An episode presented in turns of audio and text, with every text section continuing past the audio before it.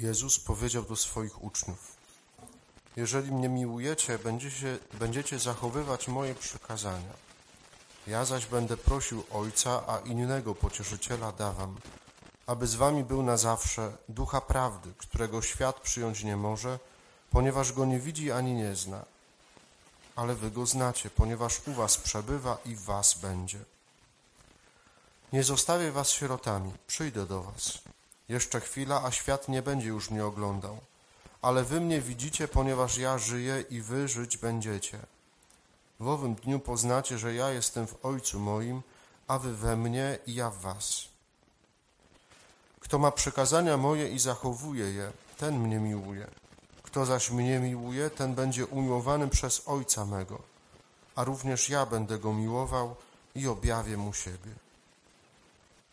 Oto słowo Pańskie.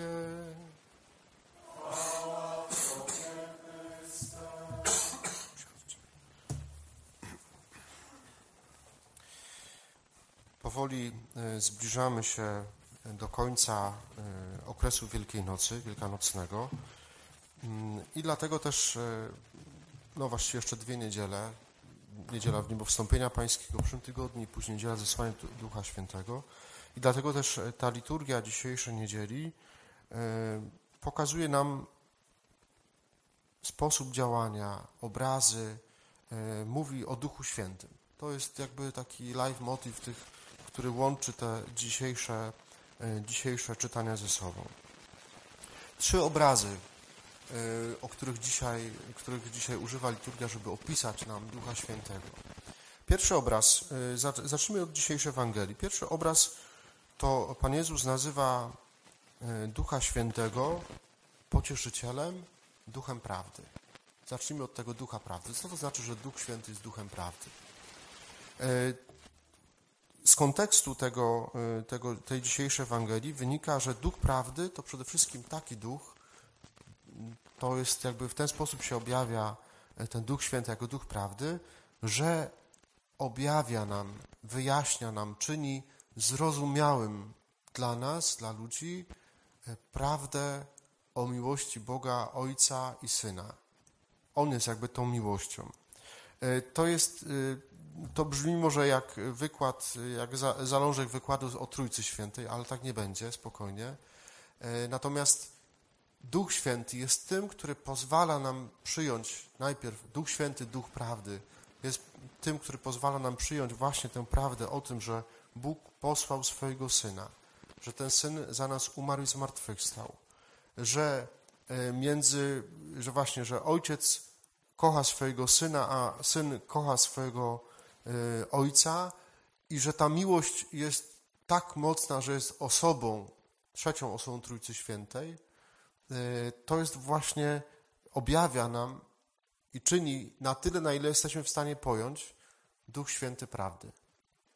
On, to jest pierwsza prawda, którą chce nam ukazać. Y, czy ten Duch Święty prawdy, czy on Y, jest nam do czegoś potrzebny w takim życiu codziennym. Ten Duch Święty prawdy, y, Duch Święty, Duch prawdy, on jest nam potrzebny po to, żebyśmy przyjęli na pierwszym miejscu sercem prawdę objawioną. To, co nam Kościół podaje do wierzenia. To właśnie Duch prawdy to sprawia. Że my to przyjmujemy na pierwszym miejscu sercem, ale także na ile jesteśmy w stanie pojąć rozumem. Więc to jest pierwsza rzecz, jeżeli ja czegoś nie rozumiem, to prosić właśnie o Ducha Świętego, Ducha Prawdy. O to, żeby On mi objawił tę prawdę. To nie jest tak, że jak ktoś jest księdzem, to już wszystko rozumie z nauczania Kościoła. Nie? To, to jest cały czas się y, to odkrywa. Nie? To jak któryś ksiądz wam powie, że, że już jest wszystko i że zna odpowiedź na każde pytanie, to wiedzcie, że coś się dzieje i coś jest nie tak. Nie? E, więc to, to, to jest taka pokusa, nie? że e, ksiądz Łukasz Krosala z parafii na ZWM-ie e, czasami wkręca swoich ministrantów, nie? coś tam mi opowiada, nawija makaron na uszy, a w pewnym momencie któryś się budzi, a skąd ksiądz to wie? Bo jestem księdzem. Nie? I, to, i, to, I ciekawe, że i to wystarcza, nie? To, to odpowiedź. Nie? Więc to, to tak nie jest. Duch Święty, tym, który wie wszystko, jest Duch Święty, Duch Prawdy. On nam może e, pomóc zrozumieć pewne prawdy naszej wiary. E, on jakby pozwala pokonać też tą mm, odległość między głową a, a sercem, nie? która jest czasami bardzo, e, bardzo duża. Także Duch Święty, Duch Prawdy jest nam potrzebny wtedy, gdy poznajemy, gdy, gdy rozpoznajemy to wolę Bożą względem nas. Gdy podejmujemy różne życiowe decyzje, i takie małe, jak to, czy ściągać na kolokwium, czy nie ściągać, to jest też ważna decyzja, e, ale także takie życiowe, gdy decydujemy się, że albo będę żył w małżeństwie, albo pójdę do, e, do, do klasztoru, e, albo jaką pracę mam podjąć, nie? Jakbym dzisiaj był wielki wybór tej pracy, no ale zakładamy, że jest. Nie? Ale to Duch Święty, właśnie Duch, Duch Święty jako Duch Prawdy, On pokazuje, jest po to, żeby objawić nam, jaka jest wola Boga względem nas. Więc wtedy, gdy mamy takie wątpliwości, gdy stoimy przed e, ważnymi e, decyzjami życiowymi, mniej lub bardziej ważnymi, warto prosić Pana Boga właśnie o ducha prawdy. To jest ten duch, którego, który daje nam te dary, jak się uczymy do bierzmowania, dary Ducha Świętego, dar roztropności, dar mądrości. To jest właśnie duch prawdy. Duch Święty jako duch prawdy. Bardzo, y, bardzo myślę przydatna i mm, y, w cudzysłowie funkcja i działanie Ducha Świętego i, i warto, na przykład dzisiaj, jak ktoś jeszcze pójdzie na wybory, zdąży, to warto też o Ducha Prawdy prosić, żeby pokazał, co mam wybrać, nie? Co, co, w którym miejscu postawić krzyżyk, albo w iluś więcej miejscach.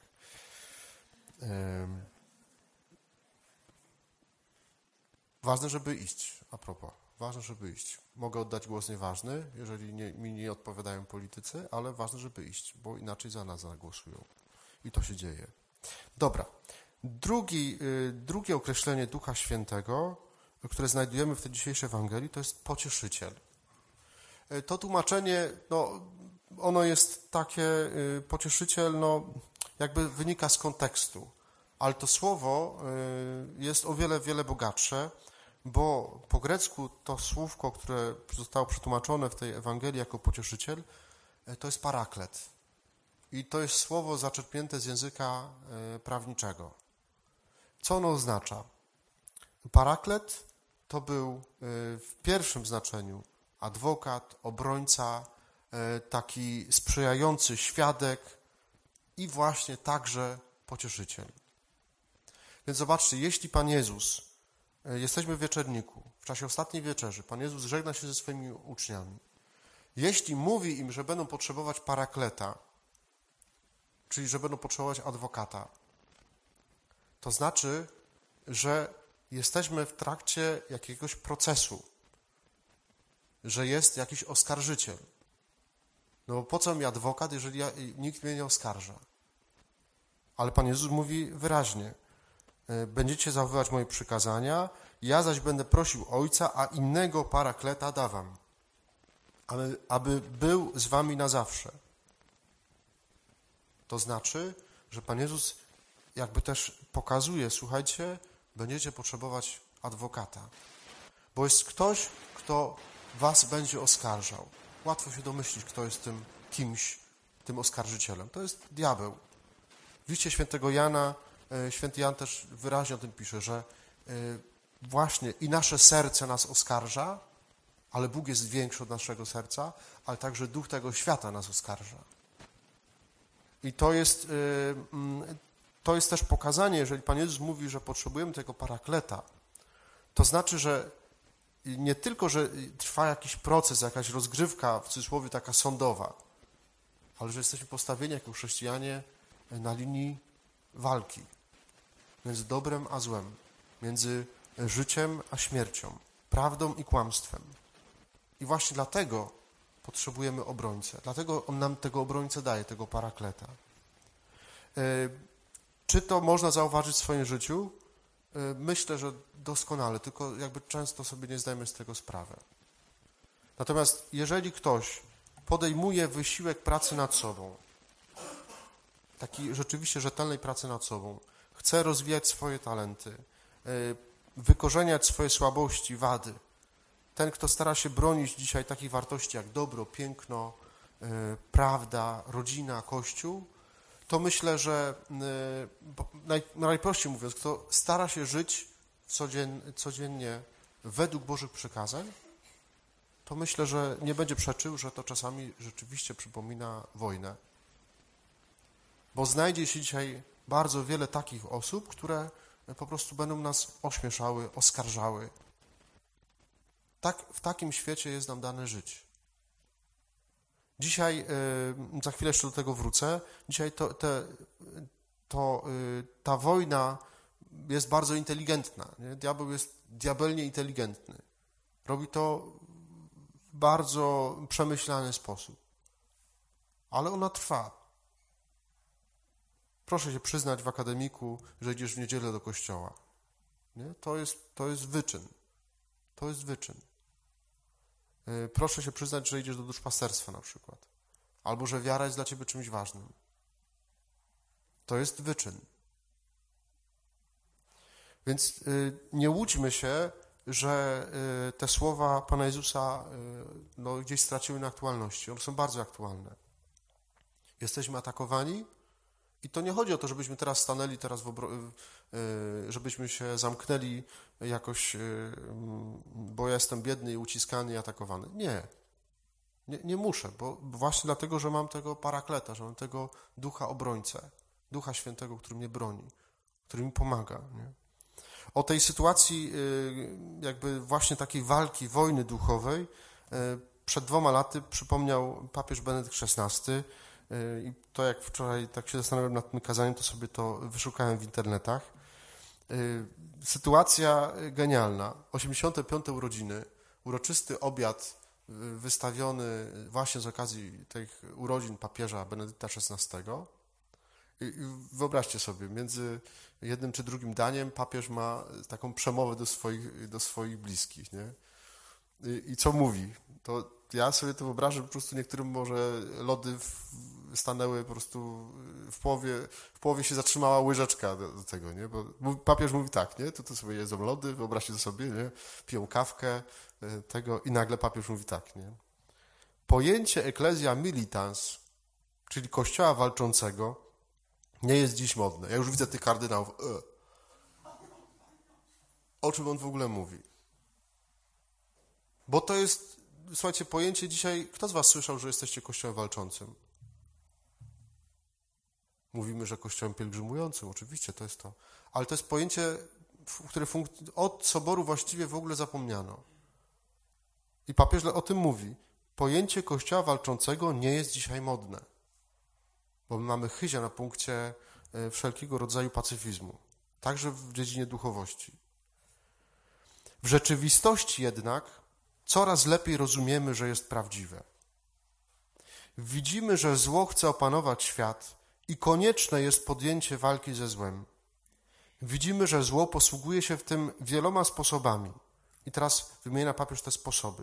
Okrutnymi, uciekając się do różnych form przemocy, i to jest, się świetnie sprzedaje, taka forma ukazywania zła. Włączcie telewizor, yy, to świetnie to będzie widać. Ale też, pisze papież, udaje dobro i w ten sposób narusza moralne fundamenty społeczeństwa.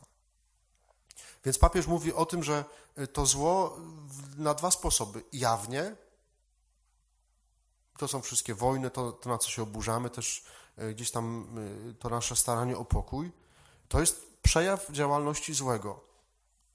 Ale jest drugi sposób, na który się czasami łapiemy jak lep na muchy. Udaje dobro i w ten sposób narusza moralne fundamenty społeczeństwa. Zobaczcie, e,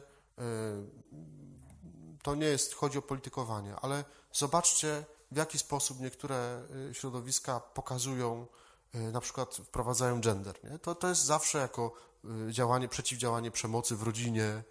Nie? To jest bzdura, nie? bo to prowadzi tak naprawdę, jak się wczytać w tą ustawę, a ja już zacząłem niestety ją czytać, no to jest po prostu, to, to, to, to jest generowanie przemocy w rodzinie.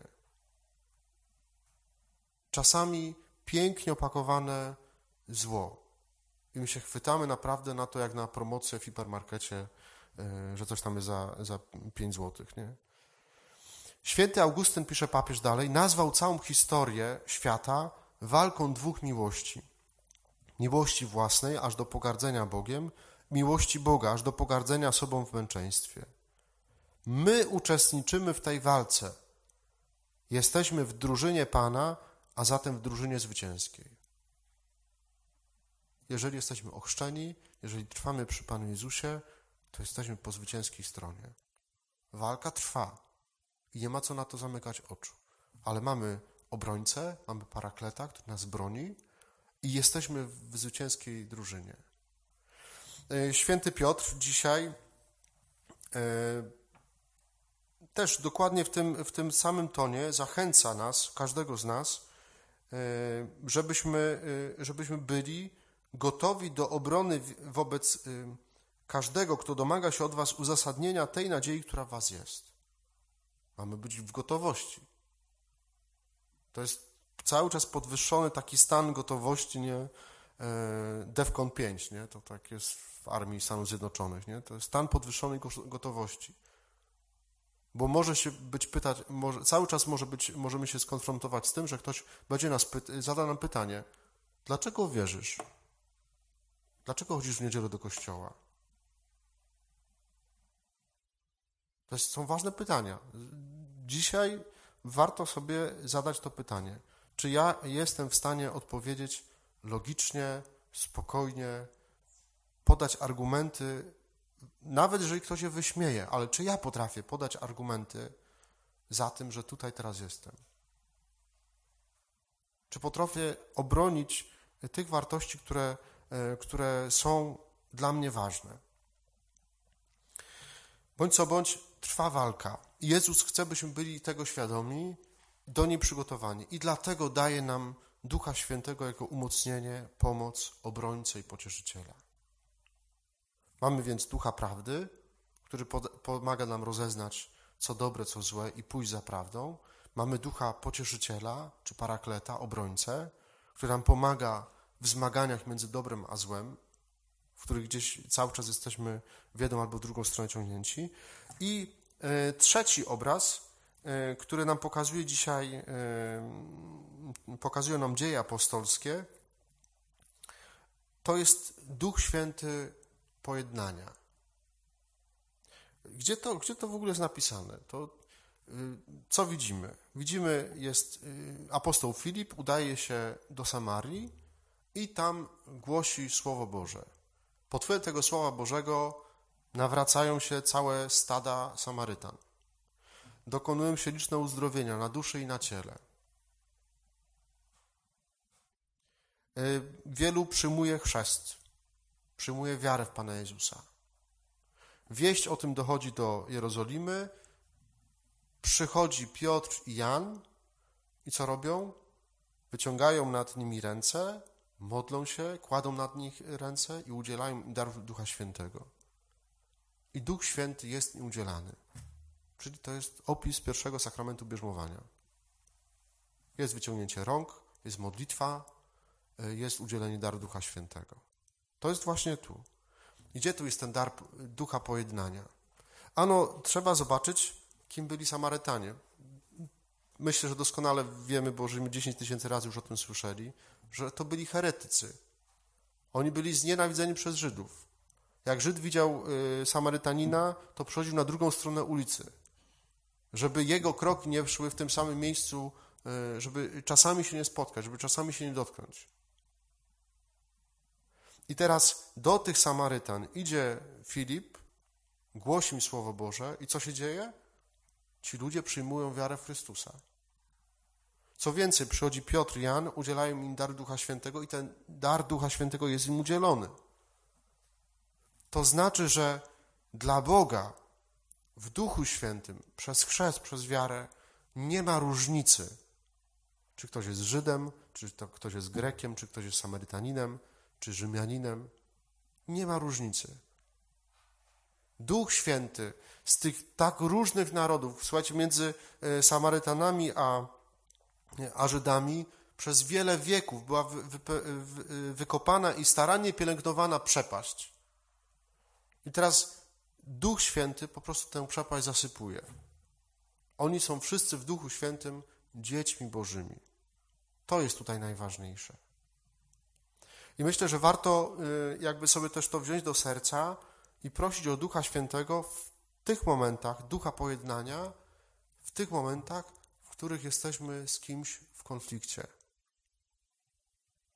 W których jakby gdzieś widzimy, że między nami się pojawia jakaś przepaść, jakaś różnica. To jest y, to, co, y, co pozwala, jakby ten, który pozwala właśnie te przepaści między nami gdzieś zasypać.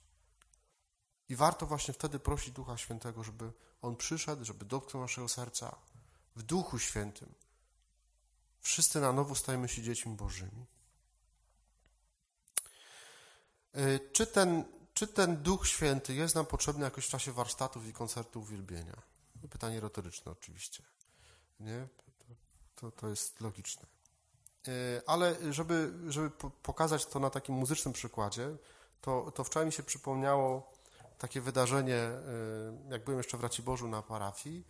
E, na rekolekcję dla młodzieży zaprosiliśmy pana Janka Budziaszka. I w ramach tego, tych rekolekcji on miał także spotkanie z raciborskimi, tam z młodzieżą, która gdzieś tam grała przy parafiach. Takie spotkanie ogólne dla tych muzyków przyparafialnych czy muzykantów. Y, I jedna rzecz właściwie z tego spotkania mi została, słuchałem go uważnie, i on mówi tak, że żeby zaistniała muzyka, muszą być dwie rzeczy. Musi być rytm i musi być melodia. Jak zabraknie czegoś, albo jednego, albo drugiego, to po prostu nie ma mowy o muzyce.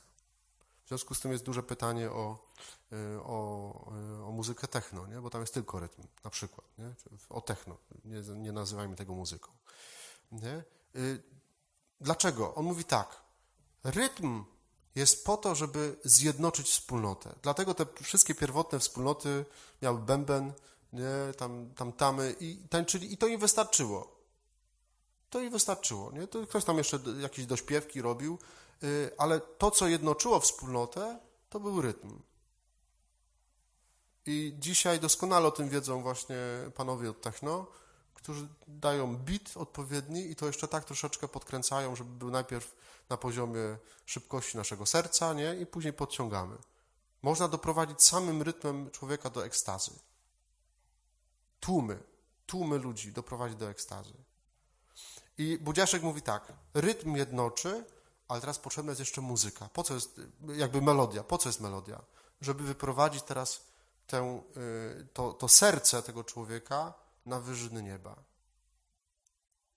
Duch Święty jest tą, y, to, co robimy tu, może inaczej, tak, tak mi się wydaje. To, co tu robimy, to, że jakoś y, staramy się trzymać tego rytmu tych warsztatów, tych spotkań, tych ćwiczeń. To jest wszystko po to, żeby to było pięknie, technicznie, rytmicznie zaśpiewane. I potrzeba jeszcze nam Ducha Świętego, który temu to wszystko pozbiera i pociągnie ku górze. Nie tylko nas, jako chór, jako tych, którzy y, przygotowują też po takim względem technicznym, tylko tych wszystkich ludzi, którzy będą razem z nami uwielbiać Pana Boga w czasie koncertu uwielbienia to nie chór to sprawi. My możemy, e, my możemy to świetnie technicznie przygotować. To może być fenomenalnie pod względem muzycznym zagrane, zaśpiewane. Ale jeżeli nie będzie w tym naszego serca otwartego na działanie Ducha Świętego, to nie poprowadzimy. My nie będziemy w stanie uciągnąć tych tysięcy ludzi, którzy przyjdą na ten koncert. To, żeby pociągnąć tych ludzi do nieba, potrzeba po prostu mocy Ducha Świętego, nie naszej. On tych ludzi będzie jednoczył, nie my. My mamy tylko stać się narzędziami dla Niego. Prośmy więc w tej mszy świętej i o Ducha Prawdy, i o Ducha Pocieszyciela, i o Ducha Jedności. Żeby to, co, żebyśmy to, co robili, było rzeczywiście w tym duchu y, i żeby to stało się narzędziem do zjednoczenia tych wszystkich ludzi, którzy przybędą z różnych stron naszej decyzji i nie tylko, wokół Pana Jezusa. Żeby to nas pociągnęło po prostu ku górze. Amen.